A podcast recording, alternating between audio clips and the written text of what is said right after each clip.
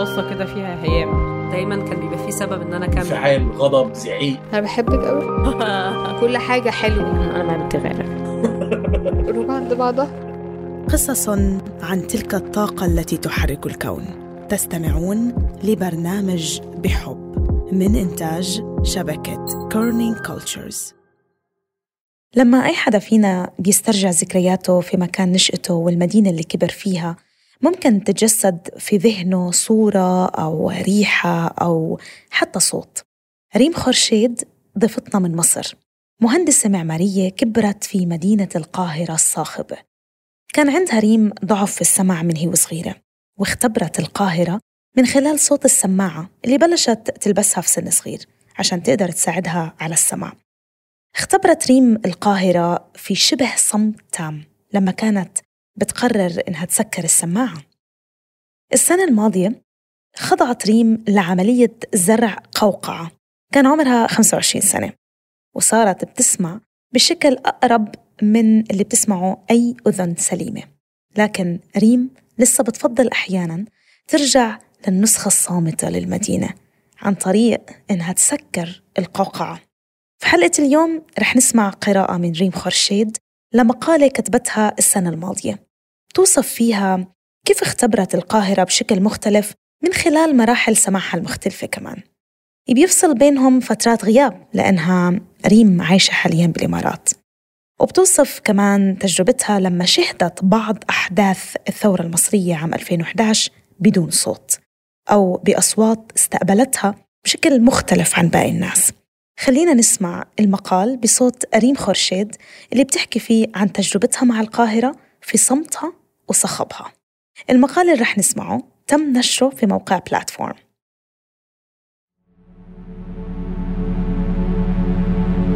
أقف في قلب واحدة من أكثر مناطق القاهرة جلبة وازدحاما.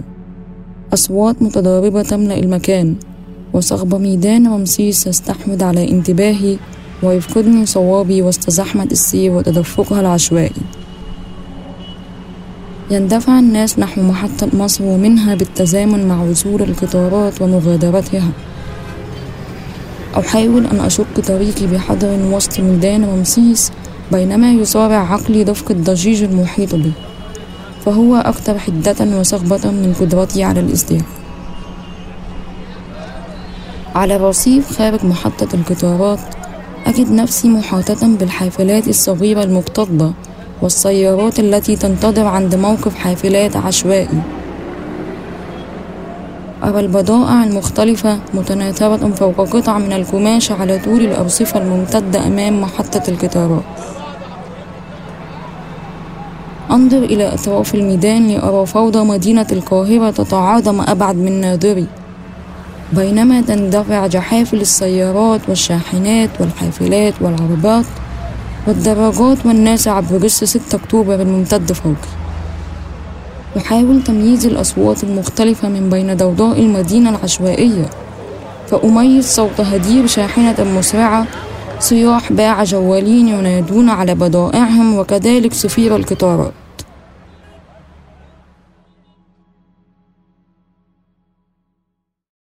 القاهرة مهد طفولتي ومنبع الأصوات المشوشة التي لا تنتهي. والتي كانت حتى هذه اللحظة أحسبها صامتة. فقبل أن أخضع لعملية زراعة القوقعة عرفت هذه المدينة كمشهد صاخب دون أن أسمعها. بالنسبة لي لم تكن شاحنات الهدم التي تدك المباني سوى عمالقة حديدية ترفع أدرعها متوعدة عبر السماء. ومهما علت أصوات صفارات سيارات الإسعاف لم تكن بالنسبة لي سوى أضواء وامضة تنطلق مسرعة عبر ممرات الطرق المختنقة. وكان الباعة الجوالون يبدون لي وهم ينادون على بضائعهم فقط شخوصا بوجوه حمراء وأوردة وداجية منتفخة. نشأت صماء أمرر يدي على جدران المدينة العتيقة لأتحسس غالبا خربشات الأحرف الأولى من أسماء عشاق مجهولين.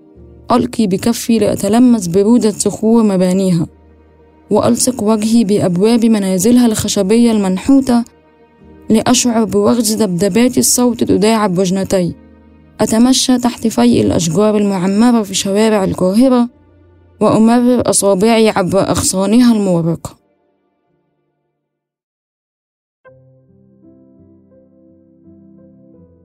كنت في السادسة من عمري حين اكتسبت آليات خاصة للتأقلم مع السمم أذكر بوضوح صيف عام 2001 وهو أول صيف أقضي خلاله فترات الظهيرة في حجرات مقياس السمع عند إقصاء السمع بدلا من الأخواخ الشاطئية على ضفاف البحر المتوسط حيث كنت أمضي عطلاتي سابقا.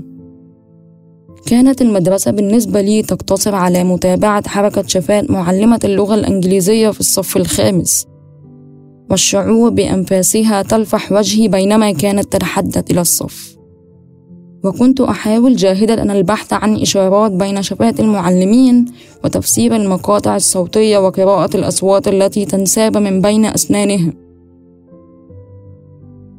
كانت معلمة اللغة الإنجليزية تحب التحدث إلى نفسها. كثيرا ما حدقت إلى شفاها فيما كانت تتمتم أحاديث عن حياتها الشخصية. وقد كانت تناجي نفسها كل يوم. وفي الصف الخامس تعلمت قراءة الشفاه واستراق السمع وأصبحت تلك لعبتي المفضلة. كانت طفولتي استكشافا صامتا للألوان والأحاسيس حيث أفسح السمع المجال أمام حستي البصر واللمس.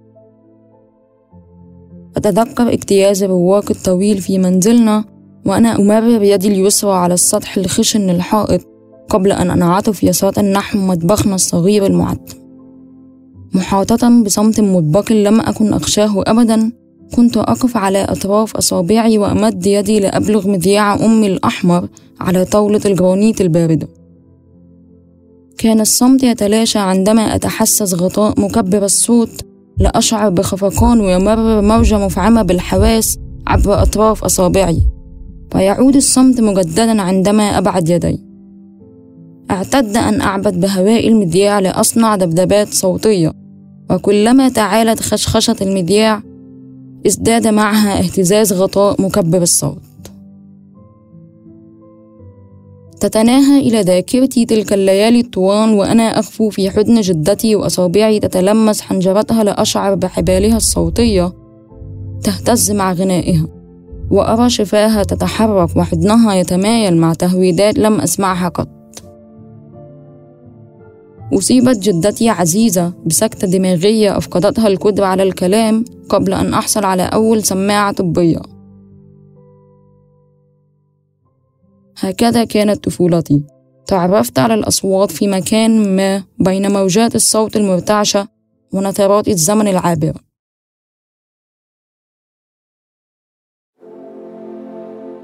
الثورة الميدان. يهلع المتظاهرون بحثا عن ملجأ يحميهم من الطلقات بينما أنا أبحث بلهفة عن شفاة أقرأها وسط الجماهير المضطربة. إنه يوم عشرون نوفمبر 2011 والجميع يغطون وجوههم لحماية رئتهم من الغاز المسيل للدموع.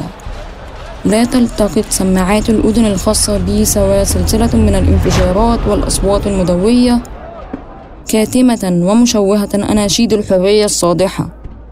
وتاركة إياي فوضى الصمت والدخان. تئن مساعدات السمع في أذني بأصوات الصافرات ممزوجة بصدى الطلقات النارية. وبالرغم من محاولاتي أعجز عن تحديد أكانت الأصوات لذخيرة حية أم لقنابل الغاز المسيل للدموع. هربا من الاشتباكات المتواصلة في شارع محمد محمود المزين بالرسوم الجدارية تفرق المتظاهرون بين الأزقة الضيقة في وسط البلد للاحتماء من طلقات القناصين. أخذت الممرات الأشبه بالمتاهات تغص بالناس. مئات الشفات تغرد بمآسم مشتركة في آن معا ثم يضرب الصدى المدوي الجدران الأسمنتية لترتد الأصوات المتناثرة في الهواء. أثناء إلقاء قنابل الغاز المسيل للدموع مرة أخرى دوى في أذني طنينا قويا وقررت الانسحاب إلى وسط ميدان التحرير لألتقط أنفاسي. كنت ألمح كل بضع دقائق دراجة نارية تمر حاملة رجال ونساء مصابين وتأخذهم إلى المستشفى الميداني بعيدا عن الاشتباكات. وفي تلك الأوقات كنت أطفي سماعات الأذن بحثا عن السكون والصمت. تمكنت وسط الصمت من عزل نفسي عن مشهد الفوضى ونسيان الخطر لبضع لحظات سريعة وكأنني مشاهد خفي أراقب أحداث الثورة الشفاة مفتوحة فأنا إذا على المسرح. الشفاة مغلقة فأنا بين الجماهير. العودة المدينة. في ميدان التحرير أسير عبر الشوارع التي شهدت يقظة انتفاضات عديدة. إنه عام 2020 الآن. أي عام الذكرى التاسعة لثورة 2011 وقد عدت بعد غياب دام ثلاث سنوات. يبدو الميدان غريبا والمدينة صامتة وضعيفة. ومع ذلك أشعر وكأن الثورة لم تنتهي حقا. إنها ظهيرة يوم ثلاثاء حار في شهر إبريل. وضجيج المدينة المتضارب يبدو مألوفا. تداعب الرياح الأوراق بلطف لتمر منها عبر رؤوس الأشجار المورقة في القاهرة. تحت شجرة الأكاسيا أخذت أستمع لصوت الطيور المغردة قبل أن يقاطعها هدير هواء المكيفات. وصوت رافعة صاخبة تحمل أطنانا من الأسمنت في موقع للبناء. وشاحنتان للهدم تضربان مبنى قديم بدون كلل في مكان قريب.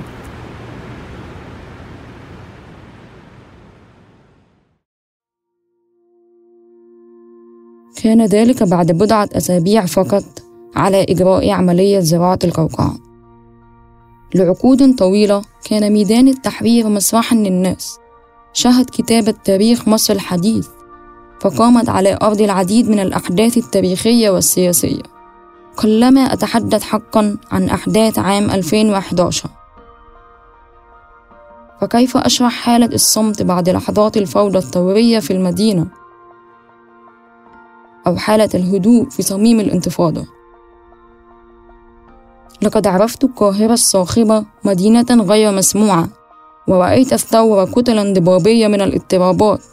علمني الضجيج الذي لا يكل وخوفي من الوقوع وسط صخب المشاحنات أن أجد الراحة فيما لا يمكنني سماع لا يسعني إلا العودة باستمرار إلى ميدان التحرير.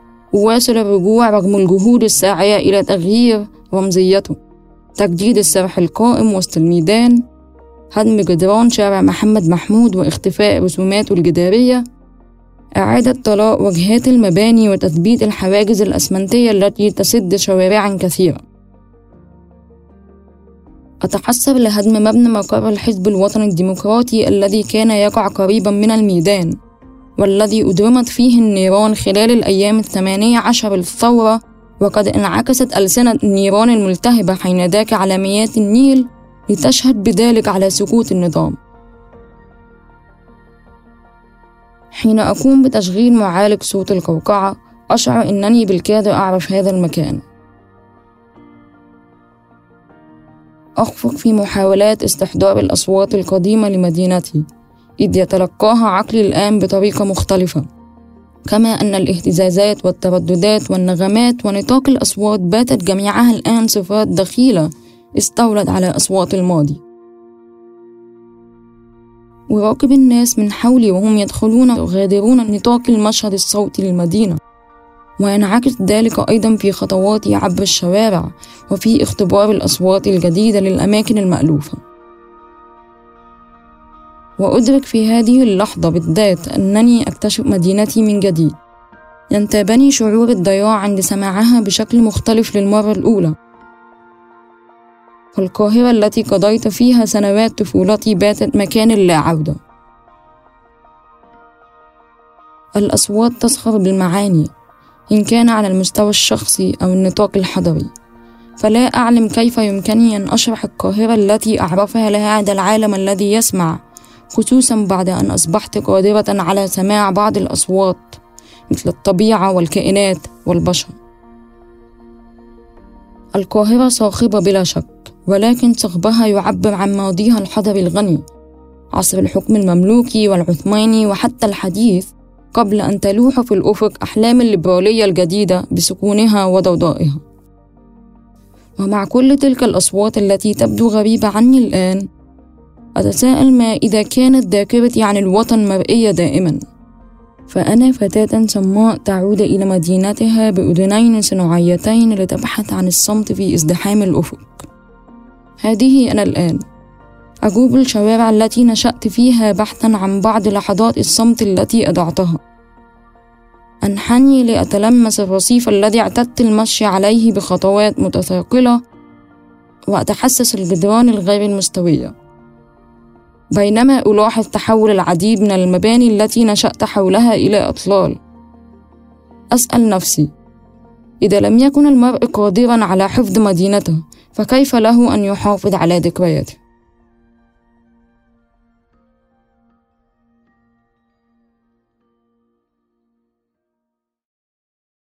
شكر كتير كبير لريم خورشيد على مشاركتنا قصتها وتسجيل المقالة بصوتها. شكرا كمان لمنصة بلاتفورم لمنحنا الإذن لاستخدام مقالة ريم. المقالة بعنوان القاهرة بسكونها وضوضائها.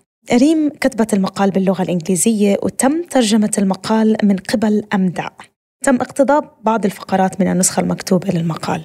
شكرا كثير للاستماع وبلاقيكم الأسبوع الجاي بحلقة جديدة من برنامج بحب. باي باي.